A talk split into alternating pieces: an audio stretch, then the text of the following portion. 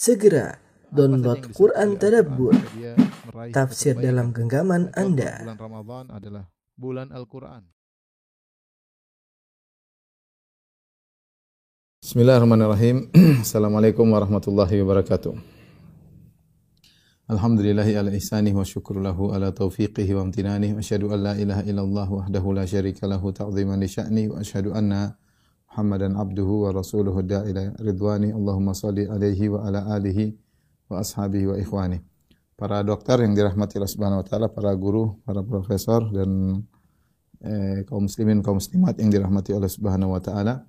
Kita sampai pada hadis ke-21 dari Al-Arba'in Nawawiyah. Artinya ini hadis yang setengah yang terakhir ya. Karena Arba'in Nawawiyah terdiri atas 42 hadis. 42 hadis yang di mana Islam berporos di atas 42 hadis ini. Dan intisari Islam ada pada 42 hadis ini. Dan semua hadis-hadis tersebut memiliki kriteria jawami ul kalim. Yaitu hadis-hadis yang lafalnya singkat namun maknanya uh, mendalam kita sampai pada penghujung setengah dari uh, hadis-hadis ini itu hadis hadis ke-21 tentang iman dan istiqamah. An Abi Amr wa qila Abi Amrah Sufyan bin Abdullah radhiyallahu taala anhu.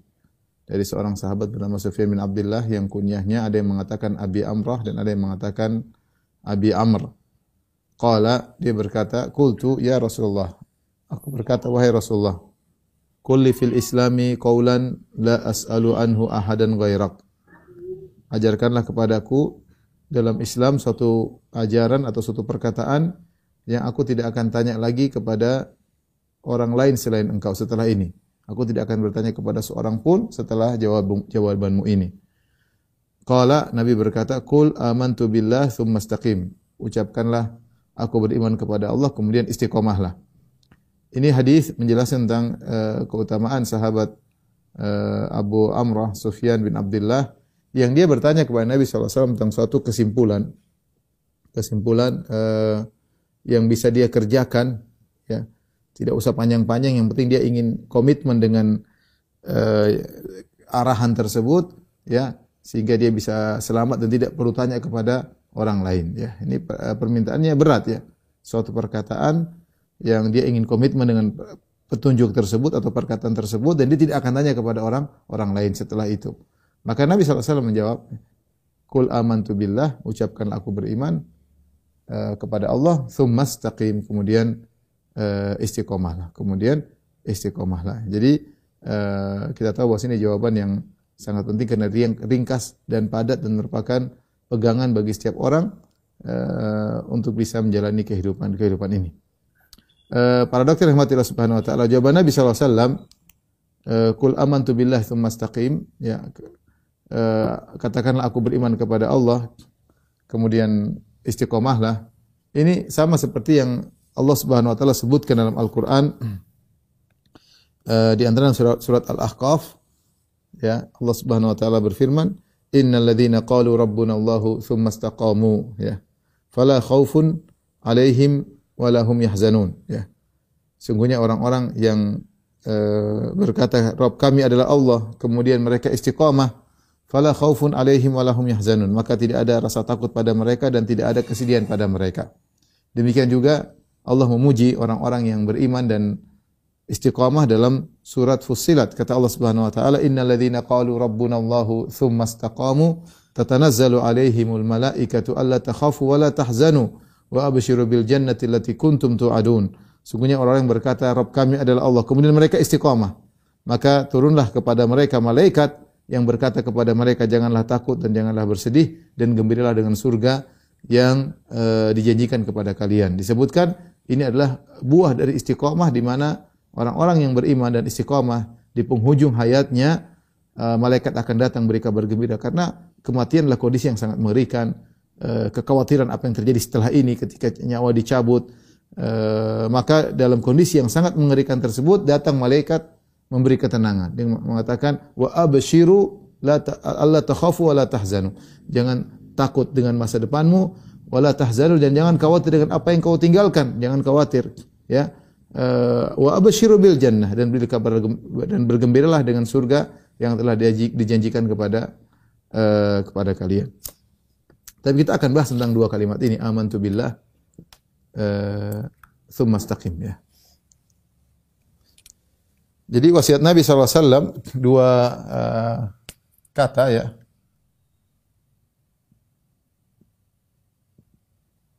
Kul amantu billah Kemudian istaqim. Katakanlah aku beriman kepada Allah.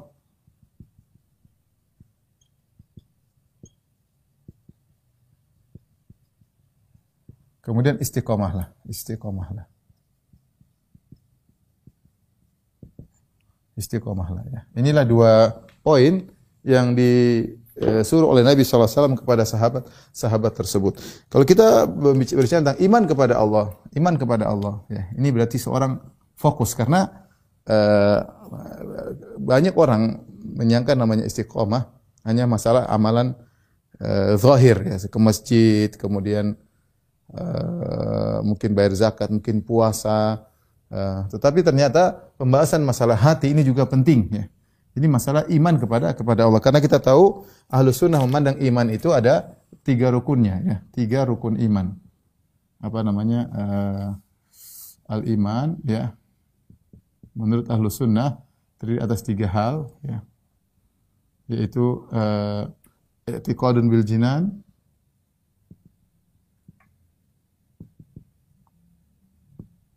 keyakinan dengan hati,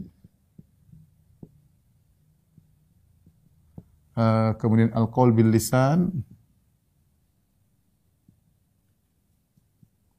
perkataan dengan lisan,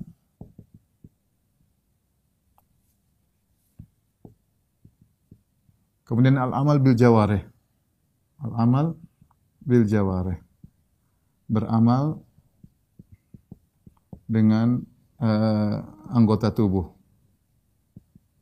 Anggota tubuh seperti sholat, puasa dan lain-lainnya. Uh, banyak orang ketika kita berbicara tentang istiqomah, mereka fokus ke sini. Istiqomah untuk beramal. Istiqomah untuk beramal. Biasanya orang fokus ke sini. Benar, ini ini perlu istiqomah untuk beramal. Ada dua hal yang lain. Ada istiqomah dengan lisan. Istiqomah untuk selalu berzikir kepada Allah misalnya. Istiqomah dengan lisan. Ya, misalnya istiqomah untuk senantiasa berzikir.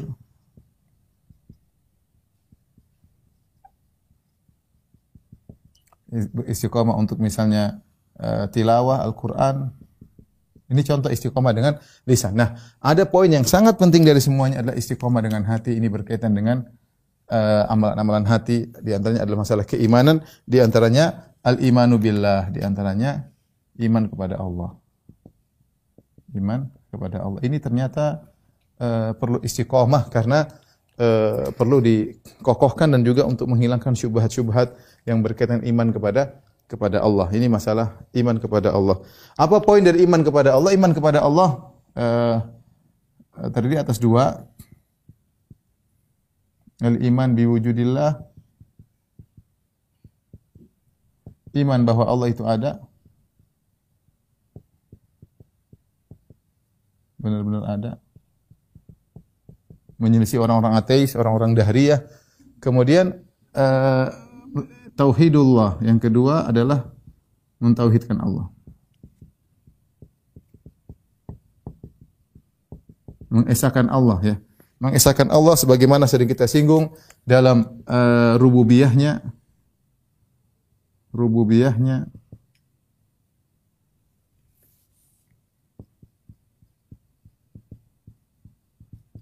Kemudian dalam uluhiyahnya asma sifat, asma sifat. Kemudian dalam uluhiyah.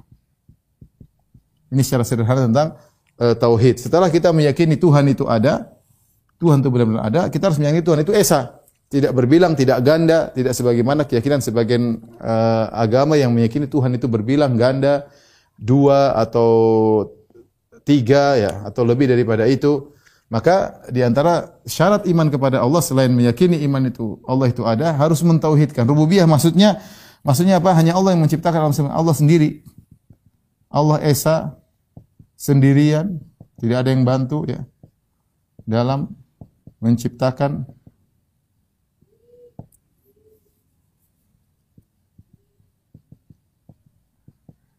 dan mengatur alam semesta.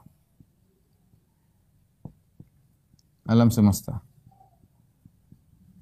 Asma sifat maksudnya Allah Maha Maha dalam segala sifatnya, tidak ada yang menyamainya.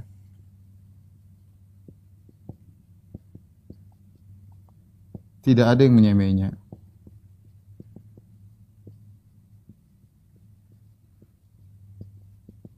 Kemudian uluhiyah artinya hanya Allah Esa untuk diibadahi. Tidak ada yang boleh diibadahi kecuali Allah. Tidak ada yang diibadahi kecuali Allah. Inilah makna tauhid. Rububiyah maksudnya kita yakin Allah sendiri dalam mencipta, Allah sendiri dalam alam semesta yang mengatur Allah Subhanahu wa taala. Tidak ada yang mengatur langit, tidak ada yang mengatur matahari, tidak ada yang mengatur rembulan ya, semua masing-masing di orbitnya. Semua proses alam semesta yang yang begitu banyak ya, semua yang atur hanya Tuhan ya. La ta'khudhuhu sinatu wala naum yang dia tidak pernah eh, ngantuk, tidak pernah tertidur ya. Wala ya'udhuhu hifdhuhuma dan tidak sulit bagi Allah untuk menjaga langit dan bumi. Ada yang innallaha yumsiku samawati wal ard antazula. Ya sebenarnya Allah Subhanahu wa taala yang memegang langit dan bumi sehingga tidak bergeser. Jadi Allah yang ngatur sendirian. Ya. Yang mencipta juga makanya Allah mengatakan ya ayuhan nasu duriba mathalun fastami'u la innal ladzina tad'una min duni min dunillahi la yakhluqu dzababan wa lijtama'u Wahai manusia sekalian dibuat perumpamaan. Maka dengarkanlah, sungguhnya yang kalian sembah selain Allah tidak akan bisa menciptakan seekor lalat meskipun mereka bersatu padu.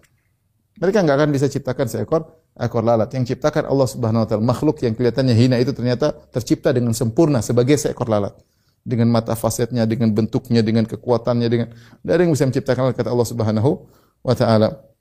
Bahkan dalam hadis kata dari Qudsi, wal yakhluqu habbatan wal yakhluqu dzarratan. Kalau bisa mereka mau menciptakan semut. Semut, siapa yang bisa ciptakan semut? Satu dunia orang berkumpul untuk menciptakan semut, sembahan-sembahan mereka suruh kumpul bikin semut, tidak bisa. Dan terlalu banyak kita tahu bahwasanya sembahan-sembahan selain Allah dalam bentuk makhluk. Ada sapi, ada yang menyembah Nabi Isa, ada yang menyembah uh, Siddhartha. Mereka manusia-manusia. Mereka tidak pernah menciptakan Nabi Isa tidak pernah menciptakan uh, seekor uh, semut tidak pernah ya. Uh, dan dan tidak ada yang bisa menciptakan itu semua. Yang menciptakan hanya Allah Subhanahu wa taala. Bahkan kata Allah, "Wal yakhluqu habbatan." Kalau mereka mampu menciptakan habbah yaitu sebuah biji yang kalau Eh, ditanam bisa tumbuh, nggak ada yang bisa mampu menciptakan. Belum ditinjau dari Allah Subhanahu wa taala, Maha Esa tidak memerlukan uh, selainnya. Ya, kita tahu bahwasanya sesembahan-sembahan Allah memerlukan kepada yang lainnya. Ada yang ada yang butuh makan, ada yang butuh tidur, ada yang butuh istirahat, ada yang butuh dirawat, ada yang butuh dikasih sajen. Itu semua bukan Tuhan. Tapi asma sifat Allah mengatakan laisa kamitslihi syai' wa huwa samiul basir. Dialah Allah yang tidak ada serupa dengan dia dan dia Maha melihat, Maha mendengar. Artinya Allah memiliki sifat-sifat tidak ada yang menyamainya. Contoh sederhananya Allah Maha mendengar.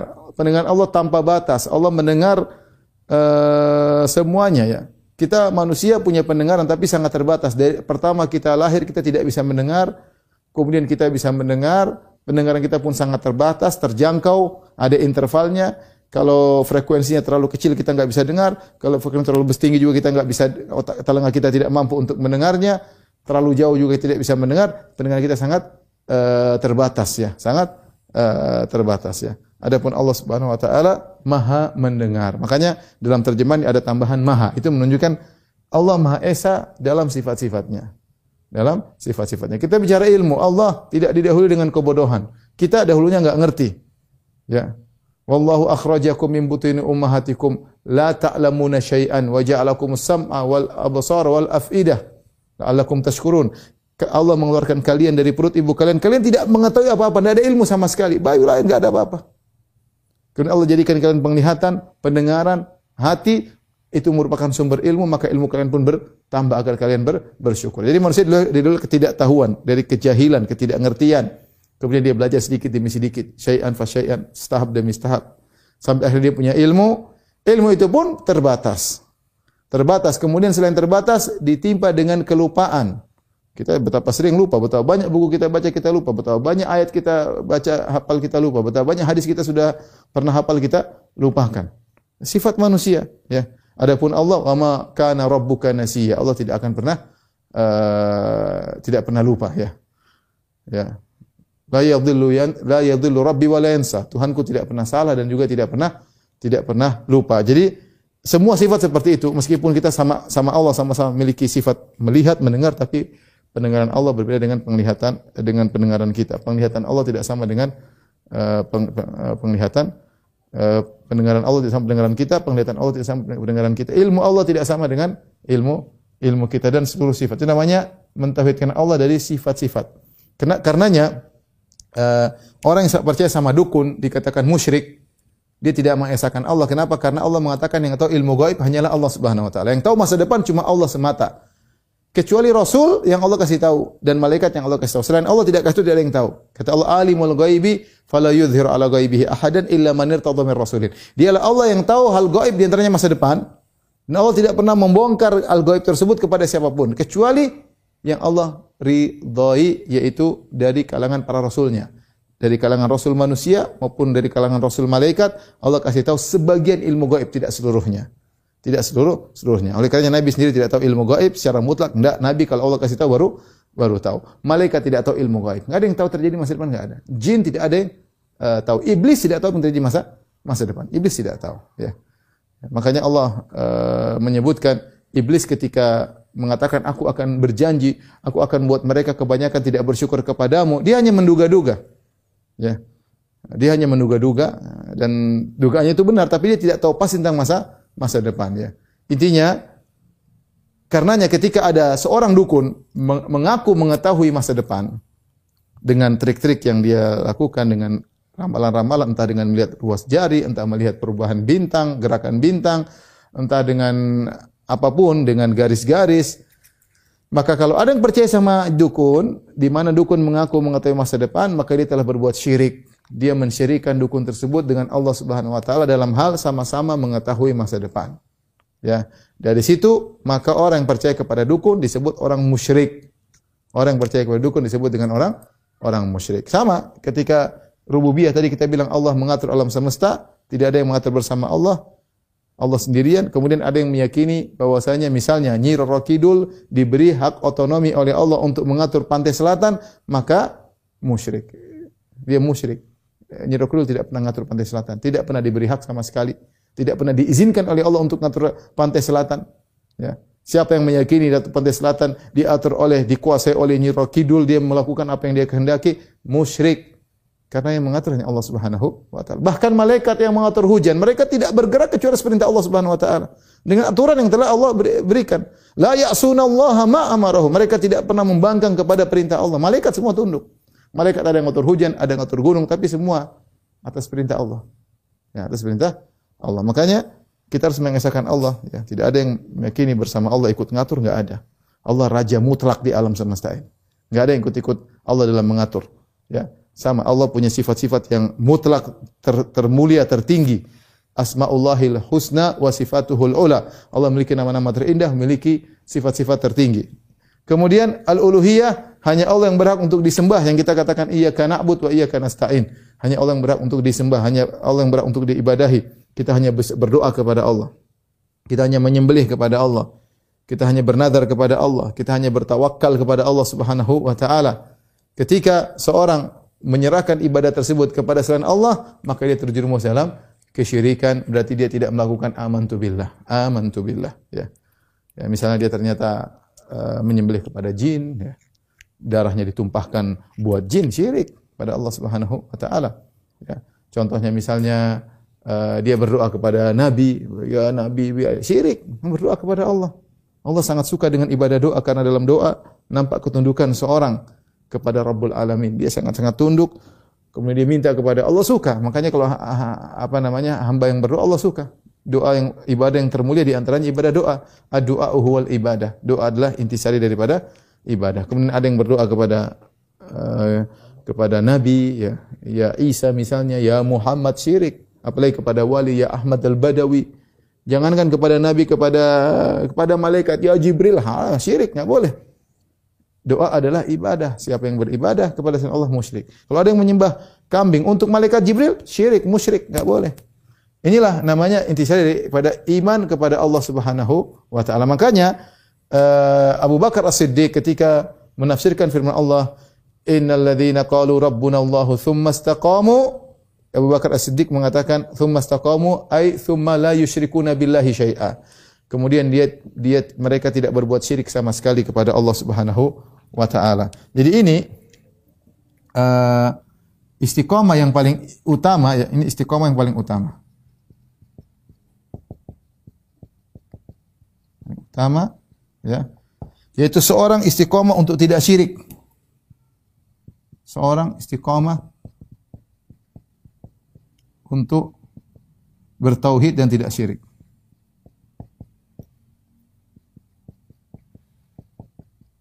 Syirik kepada Allah. Syirik dengan syirik besar maupun syirik kecil semua dia jauhi. Oh, dia istiqomah untuk tidak ria. Dia istiqomah untuk tidak ujub. Kalau ada dia lawan, ada lawan, lawan. Ada kalau dia salah dia istighfar. Dia selalu istiqomah. Karena nanti akan sebutkan bahwasanya syarat istiqomah bukan berarti tidak salah. Tapi kalau dia salah dia segera kembali kepada Allah Subhanahu wa taala ya.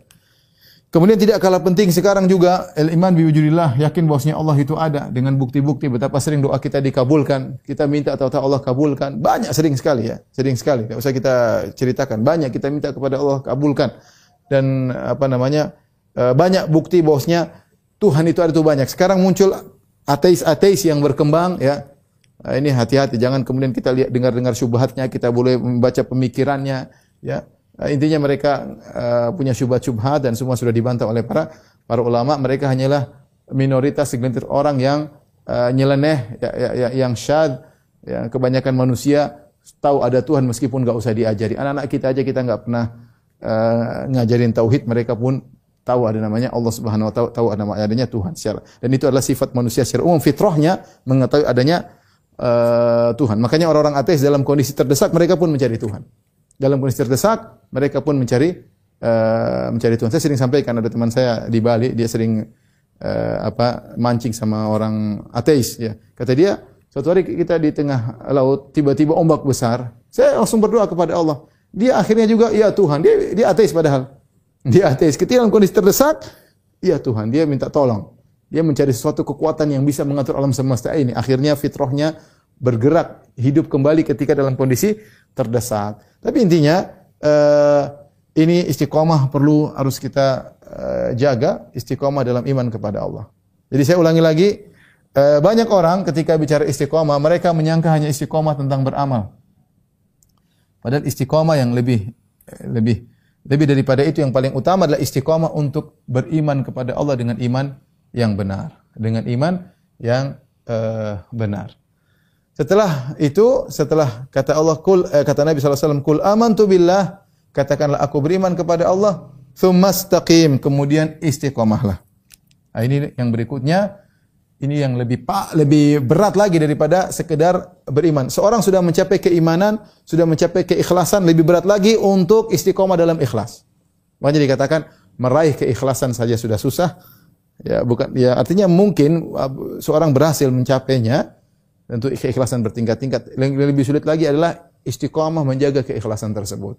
Karena penyakit ria itu ada, penyakit ujub itu ada, pingin disanjung, pingin di uh, diakui banyak ya, pingin uh, dijadi pusat perhatian untuk orang memuji amal solehnya banyak ya. Maka uh, istiqamah ini hanya orang-orang hebat yang bisa uh, melakukannya. Makanya kata Al Ghazali demikian juga Ibnu Taimiyah, Ibnu Taimiyah mengatakan a'zamu al-karamah luzumul istiqamah. Karamah teragung adalah melazimi istiqamah. Melazimi istiqamah. Ini karamah yang uh, terhebat ya. Kalau orang bilang ada orang bisa terbang, kita bilang ya terbang ya jin juga bisa terbang. jin bisa uh, terbang ya. Orang bisa mungkin matain besi bisa kita bilang yang itu bukan bukan itu yang Allah tidak pernah suruh kamu bisa matain besi. Allah tidak mengatakan siapa yang bisa terbang maka dapat surga Firdaus. Enggak pernah Allah bilang begitu. Tidak pernah Nabi ngomong begitu. Saya bisa terbang dapat surga Firdaus. Siapa yang bisa loncat uh, sekian siapa enggak ya. Siapa yang bisa menghilang dapat surga Firdaus? Enggak ada. Enggak ada Nabi pernah mengatakan demikian. Tapi yang ada istiqamah. Innal ladzina qalu rabbuna Allahu tsumma istaqamu. Yang dipuji oleh Allah adalah orang-orang yang istiqamah. Istiqamah yang menjaga dirinya dalam keimanan kepada Allah Subhanahu wa taala, kemudian menjaga dirinya dalam amal soleh kepada Allah Subhanahu wa taala di tengah-tengah zaman yang sekarang ini tersebar syahwat dan syubhat. Mau bicara syahwat tersebar sepu, se, se, se, sepuas-puasnya. Mau lihat apa saja mengenai syahwat bisa didapatkan. Di dunia internet, dunia maya, semua bisa dilihat. Orang sudah berfantasi dan sudah ber, melakukan apa yang mereka sepuas-puasnya mau bikin apa saja mereka sudah praktekkan di dunia ini. Kemudian kalau bicara syubhat, syubhat pun demikian. Kalau dahulu syubhat, kerancuan pemikiran mungkin hanya terbatas, tidak bisa diakses oleh setiap orang.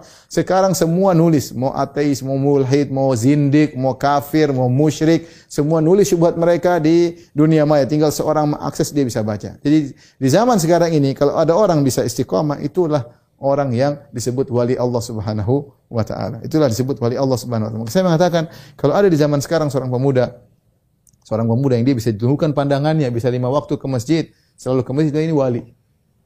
Bukan yang bisa terbang, yang bisa loncat, yang tembus besi, bukan. Enggak ada dalil kalau tembus besi kemudian masuk surga enggak ada. Enggak ada. Tapi kalau ada orang ternyata dia di zaman seperti ini bisa tentukan pandangan, bisa ke masjid uh, luar biasa. Masya Allah, bilang ini wali. Wali. Anak muda seperti ini wali. Saya bilang di zaman sekarang ada orang ikhlas kepada Allah Subhanahu wa taala. Banyak yang dia sedekahkan, banyak yang dia lakukan dia pernah cerita sama orang, diem, tidak pernah cerita. Hanya orang khusus yang tahu karena memang harus interaksi sama dia. Kalau mau ditampilkan dia malu dia, dia bilang ini wali. Meskipun dia tidak bisa terbang. Meskipun dia tidak bisa tembus uh, tembok. Meskipun dia tidak tembus kalau kena pisau ya darah ya. Tapi dia ini wali Allah yang sesungguhnya. Di zaman sekarang ini. Makanya itulah kata Ibnu Taimiyah, "A'zamul karama luzumul istiqamah." Karama yang terhebat ya adalah uh, luzumul istiqamah. Karena Allah perintahkan, "Fastaqim kama umir." Yang Allah perintahkan adalah istiqamah. Fastaqima wa la tattabi'an sabila alladziina la yu'minun. Kata Allah istiqamah. Istiqamah. Dalam Al-Qur'an Allah suruh istiqamah. Bukan Allah suruh untuk sakti, ya. Ya kesaktian atau karoma yang berupa kesaktian itu kadang Allah berikan kepada yang Allah kehendaki tatkala dalam kondisi membutuhkan ya. Tapi bukan tidak pernah dicari, tidak ada orang belajar, tidak ada orang belajar belajar agama untuk jadi sakti itu enggak ada. Sahabat enggak pernah begitu. Enggak ada. Nabi juga tidak pernah mengajarkan demikian. Ya, tapi kadang-kadang Allah berikan kepada para sahabat ketika mereka uh, memerlukan. Bukan ada uh, ilmu khusus, ilmu baku yang dipelajari enggak ada ya. Intinya istiqomah. Inilah uh, apa namanya perkara perkara-perkara yang penting untuk diketahui untuk uh, kita bisa istiqomah. Taib, ada poin-poin yang uh, berkaitan tentang istiqomah. Mungkin saya akan jelaskan aja sambil uh, duduk ya. Silakan di apa namanya? di foto.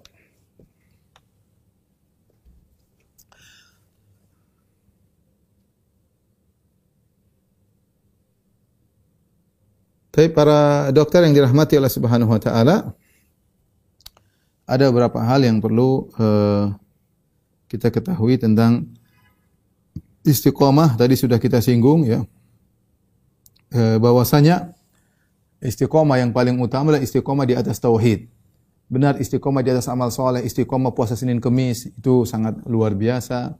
Zaman sekarang orang istiqomah puasa Senin Kemis, zaman sekarang ada orang istiqomah Salat malam, Masya Allah. Istiqomah sedekah, Masya Allah. Ini semua adalah istiqomah yang agung. Ada istiqomah dengan lisan.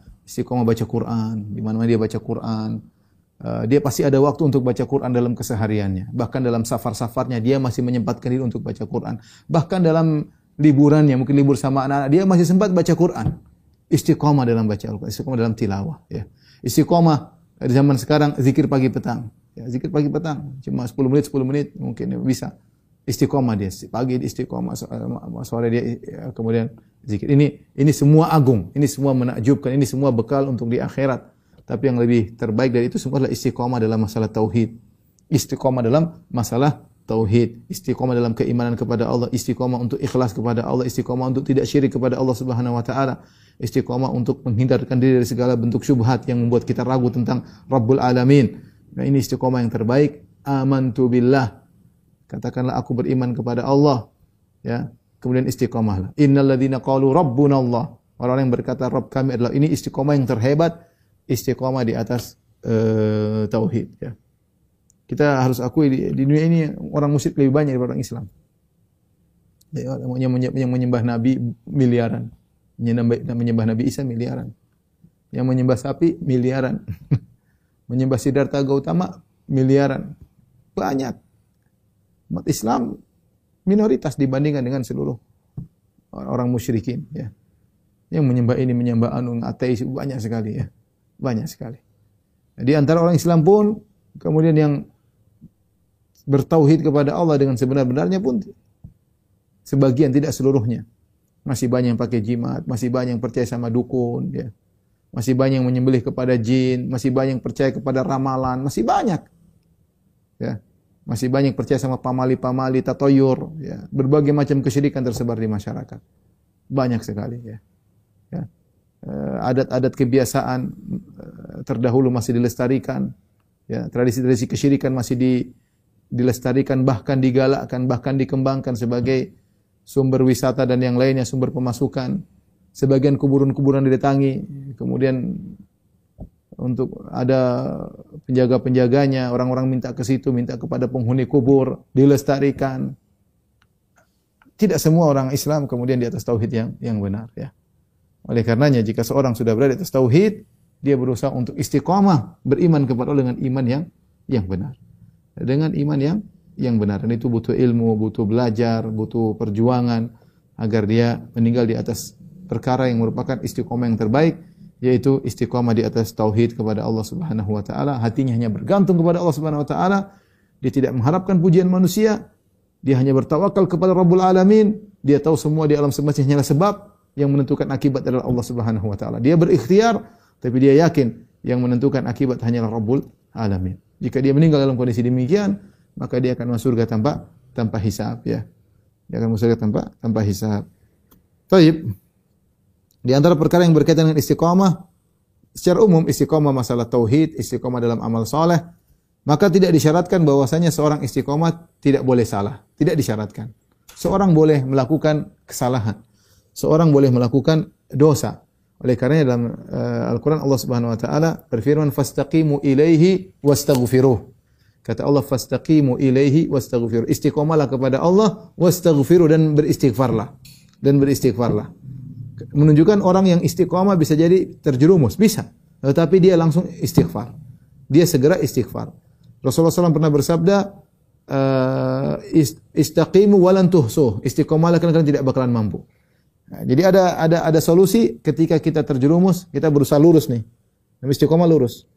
Kita pasti suatu saat akan miring kanan. Hawa nafsu kita terkadang mendominasi kita. Ya uh, apa namanya jiwa yang buruk terkadang mendominasi kita. Kita punya jiwa yang buruk. Ya. Makanya Nabi SAW kalau berkhutbah sering mengatakan wa billahi min syururi anfusina. Ya, dan kami berlindung kepada jiwa kami yang yang buruk. Yang buat kita menyimpang ada faktor eksternal itu syaitan dan ada faktor internal itu keburukan jiwa kita sendiri. Ya. Oleh karenanya terkadang kita dikuasai oleh jiwa yang kita yang buruk akhirnya kita menyimpang keluar ke kanan, keluar ke kiri, maka segera istighfar agar kita bisa lurus kembali.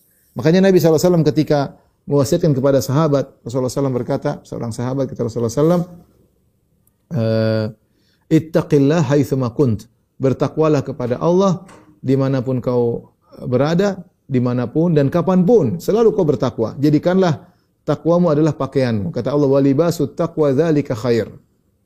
Ya, dan pakaian ketakwaan adalah yang terbaik. Ya, kata Allah, khudhu zinatakum inda kulli masjidin uh, ya, ya, uh, apa namanya uh, apa namanya kata Allah Subhanahu wa taala walibas uh, ya ya bani adam qad anzalna alaikum libasa yuwari sawatikum warisha walibasu taqwa dzalika khair. Wahai anak adam kami telah turunkan kepada engkau pakaian. Pakaian itu indah menghiasi badan tapi kata Allah walibasu taqwa dzalika khair. Ketakwaan itu lebih indah lagi ya. Itu lebih baik.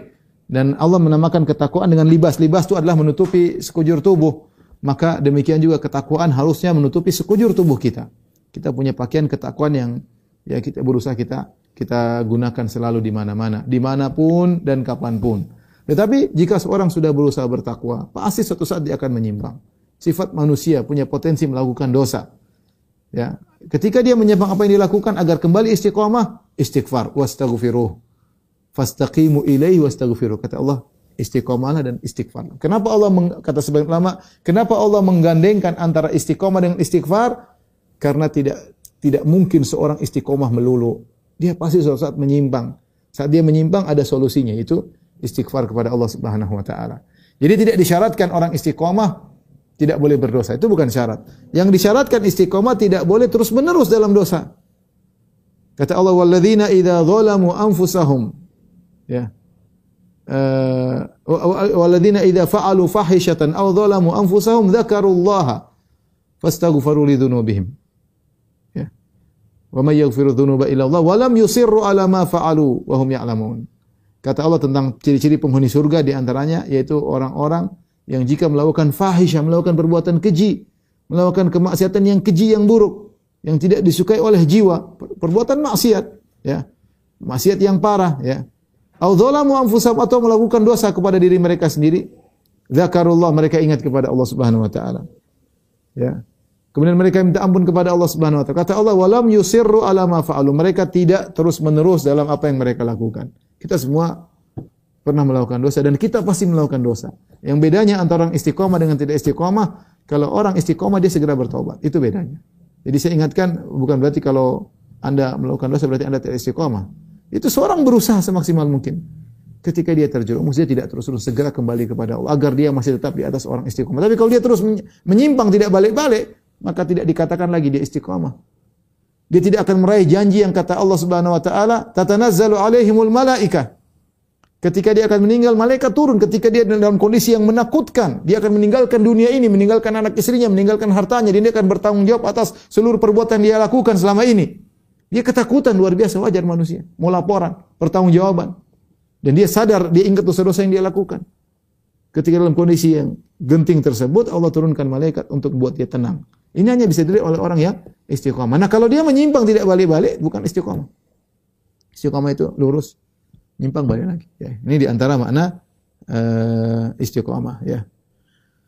Kemudian uh, di antara hal yang berkaitan istiqomah, uh, istiqomah uh, maknanya adalah menempuh jalan yang sirat mustaqim, ya, jalan yang lurus. Maka seorang kalau ingin istiqamah dia hendaknya i'tidal mu'tadil di tengah-tengah. Jangan sampai dia ifrat atau tafrid, berlebih-lebihan ekstrim ke atas atau ekstrim ke bawah. Di dunia ini selalu ada tiga. Ada yang tengah, ada ekstrim kanan, ada ekstrim kiri. Selalu demikian. Ada yang tengah. Namanya istiqamah itu selalu di di tengah. Makanya kalau kita baca akidah Ahlussunnah wal Jamaah atau Islam dibandingkan agama lain di tengah dibandingkan Yahudi dibandingkan Nasara ya.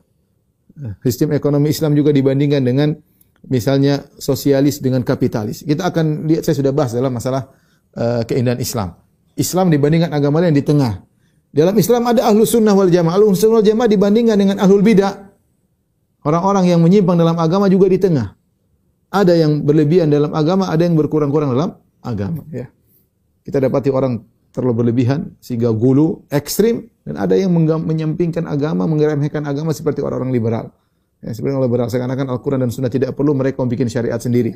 Sebagaimana salah seorang dari mereka berkata, Al-Quran itu hanya turun, hanya relevan untuk 1400 tahun yang lalu diturunkan kepada seorang nabi dari Arab yang tinggal di Arab, hanya cocok 1400 tahun yang lalu, jangan dipakai kita ambil tekstualnya untuk zaman sekarang. Ya. Sehingga mereka mengatakan hanya relevan untuk zaman dulu, sekarang kita butuh untuk istihad untuk bikin hukum-hukum baru. Ini diucapkan oleh mereka. Waliyadzubillah ya. Berani sekali mereka. Sehingga Al-Quran Sunnah, kalau kita bicara Al-Quran Sunnah, mereka hanya tertawa. Ya karena kita sedang berbicara suatu sumber hukum yang hanya relevan pada 14 tahun yang lalu. Kata mereka sekarang sudah saatnya kita ijtihad sendiri. Ya, seakan-akan mereka mengatakan Al-Quran sudah expire, As-Sunnah sudah expire. Orang liberal banyak seperti seperti itu. Maka namanya istiqamah itu di tengah, tidak uh, ekstrim garis kanan, tidak juga ekstrim garis garis kiri, tapi apa nih di tengah. Dalam banyak hal tentu ini butuh pembahasan uh, tersendiri, pembahasan tentang wasatiyah ahli sunnah, tentang uh, moderatnya ahli sunnah wal jamaah butuh pembahasan uh, tersendiri. Taib ikhwan dan akhwat yang dirahmati Allah Subhanahu wa taala, terakhir saya akan sampaikan beberapa poin uh, bagaimana cara kita istiqamah ya. Di antaranya para dokter yang dirahmati Allah Subhanahu wa taala berdoa, berdoa kepada Allah Subhanahu wa taala minta petunjuk. Dan di antara doa yang paling terbaik untuk istiqomah adalah ihdinas siratal mustaqim. Ini doa sering kita ucapkan tapi kita lalai kita ketika mengucapkannya. Kita berdoa tapi kita tidak menghadirkan hati kita, ya. Ya. Kita uh, berdoa tapi tidak menghadirkan ke hati kita. Sementara Nabi berkata, eh, kata Nabi sallallahu alaihi wasallam, "Ud'ullaha wa antum muqinuna bil ijabah wa'lamu anna Allah la yaqbalu la yastajibu du'aan min qalbin ghafilin lahin." Kata Nabi sallallahu alaihi wasallam, berdoalah kepada Allah sementara kalian yakin Allah akan mengabulkan, ketahuilah Allah tidak akan menjawab doa dari orang yang hatinya lalai. Hatinya lalai. Maka ketika kita mengucapkan ihdinas siratal mustaqim yang kita ucapkan minimal 17 kali dalam sehari, harusnya kita fokus. Itu doa yang terbaik. Yang kita baca dalam kondisi terbaik sedang sholat. Yang kita buka dengan membaca surat terbaik, surat Al-Fatihah. Yang diawali dengan pujian kepada Allah, Alhamdulillahirabbil alamin. Segala puji bagi Allah, penguasa alam semesta ini. Yang mengatur alam semesta ini. Ar-Rahmanir Rahim yang Maha Pengasih lagi Maha Penyayang. Malik Yawmiddin, subhanallah, yang menguasai hari pembalasan. Ya, Raja di hari pembalasan. Ya. Iyyaka na'budu wa iyyaka nasta'in. Hanya kepada Allah engkau lah kami beribadah. Kami tidak pernah beribadah kepada selain Engkau ya Allah. Kami bertauhid. Wa iyyaka nasta'in dan kami hanya mohon pertolongan kepada Engkau ya Allah. Kami bertawakal kepada Engkau. Setelah mukadimah tersebut kita masukkan doa kita, ihdinas siratal mustaqim. Ini doa paling menakjubkan cuma penyakitnya kita lalai. Karena kita sudah hafal Al-Fatihah, seakan-akan kita sholat tinggal pencet Al-Fatihah jalan sendiri seperti kaset yang berjalan sampai kita tidak tidak fokus dengan apa yang kita yang kita baca. Di antara doa adalah ya muqallibal qulub tsabbit qalbi ala dinik. Ya muqallibal qulub tsabbit qalbi ala dinik. Ya wahai pembolak-balik hati manusia, ya kokohkanlah hatiku di atas agamamu. Di antaranya doa-doa zikir pagi petang. Ya. Doa zikir pagi petang juga itu di antara doa-doa yang membuat kita untuk bisa apa? Uh, istiqamah ya. Ya, misalnya Allahumma afini fi jasadi, Allahumma afini fi sami, Allah afini fi basari, yaitu jagalah jasadku, jagalah pendengaranku, jagalah penglihatanku. Ini contoh agar kita bisa uh, istiqamah ya. Kemudian ini yang pertama berdoa kepada Allah Subhanahu wa taala. Yang kedua, ikhwan dan akhwat yang rahmatillah Subhanahu wa taala, jangan pernah ujub dengan apa yang sudah kita raih. Istiqomah adalah berjalan sampai penghujung. Betapa banyak orang yang start di awal indah tapi penghujungnya dia belok. Padahal yang menjadi patokan ujungnya. Yang jadi patokan adalah ujungnya. Rasulullah SAW bersabda, Innamal a'malu bil khawatim. Yang jadi patokan adalah ujungnya. Maka seorang berusaha untuk istiqomah agar dia mencapai tujuan yang yang terbaik. Karena kita tidak tahu bagaimana ujung kita, maka jangan pernah ujub dengan apa yang sudah kita raih. Kita tidak tahu bagaimana ujung kita. Ya. Eh, sebab bisa saja membuat kita menyimpang. Sebab bisa betapa banyak orang yang tadinya istiqomah kemudian menyimpang. Betapa banyak orang tadinya yakin dengan Allah kemudian jadi ragu, jadi ragu. Betapa banyak orang tadinya husnudzon kepada Allah jadi suudzon kepada Allah Subhanahu wa taala. Banyak. Tidak sedikit banyak. Maka kita harus yakin bahwasanya kita nggak tahu ujung kita, ya, maka jangan pernah kita ujub dengan apa yang sudah kita raih dalam agama ini, ya, kita tidak tahu penghujung kita uh, bagaimana. Yang kedua, ya yang buat kita tidak ujub juga kita tahu bahwasanya semua yang kita raih ini atas karunia Allah Subhanahu wa taala. Semua yang kita raih atas karunia Allah Subhanahu wa taala. Makanya itulah yang diucapkan oleh Nabi sallallahu alaihi wasallam ketika beliau sedang menggali Khandaq, beliau berkata, "Wallahi laulullah mahtadaina." Demi Allah kalau bukan karena Allah Subhanahu wa taala, maka kita tidak akan dapat uh, hidayah walau Allah mahtadaina wala sallaina wala tasaddaqna. Kalau bukan karena Allah kita tidak bisa sedekah, kita tidak bisa salat. Allah mengatakan ya walaula fadlullahi alaikum wa rahmatuhu ma zaka minkum min ahadin abadan walakin Allah yuzakki may yasha. Kalau bukan karena karunia Allah ya dan rahmat Allah tidak seorang pun dari kalian jadi orang soleh, tidak seorang pun. Tetapi Allah mensucikan, Allah menjadikan orang soleh siapa yang Allah kehendaki. Allah sebutkan semuanya di Allah Subhanahu wa taala. Ya. Allah menyebut tentang Nabi Muhammad sallallahu alaihi wasallam. Ya. Wa in kadu la yaftinunaka anil ladzi auhayna ilaika litaftari alaina ghairah wa idzal lattakhadhuka khalila walaula an sabbatnaka laqad kitta tarkanu ilaihi syai'an qali ilaihim syai'an qalila idzal la adaqnaka dhi'fal hayati wa dhi'fal mamat. Allah sebutkan dalam surat Al-Isra kata Allah Subhanahu wa taala Ya. Mereka hampir-hampir memfitnah engkau wahai Muhammad dari wahyu yang kami berikan kepada engkau. Ya.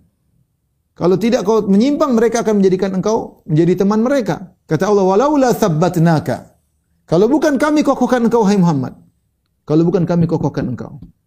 Laqad kita terkanu ilaihim syai'an qalila. Hampir-hampir kau condong kepada mereka. Karena orang-orang Abu Jahal dan teman-temannya kasih syubhat. Ya Muhammad, ya, ya Muhammad, kalau kau begini, kau begini. Ya Muhammad, ikutilah cara kami. Ya Muhammad, tinggalkan orang miskin, ikut kami. Kalau kau ikut kami, tinggalkan orang miskin, maka orang akan banyak masuk Islam. Kasih syubhat kepada Nabi SAW. Nabi mendengar dan Nabi merenungkan. Ya. Maka Allah mengatakan, walaula an sabbatna. Kalau bukan kami kokohkan engkau hemat, kau akan menyimpang.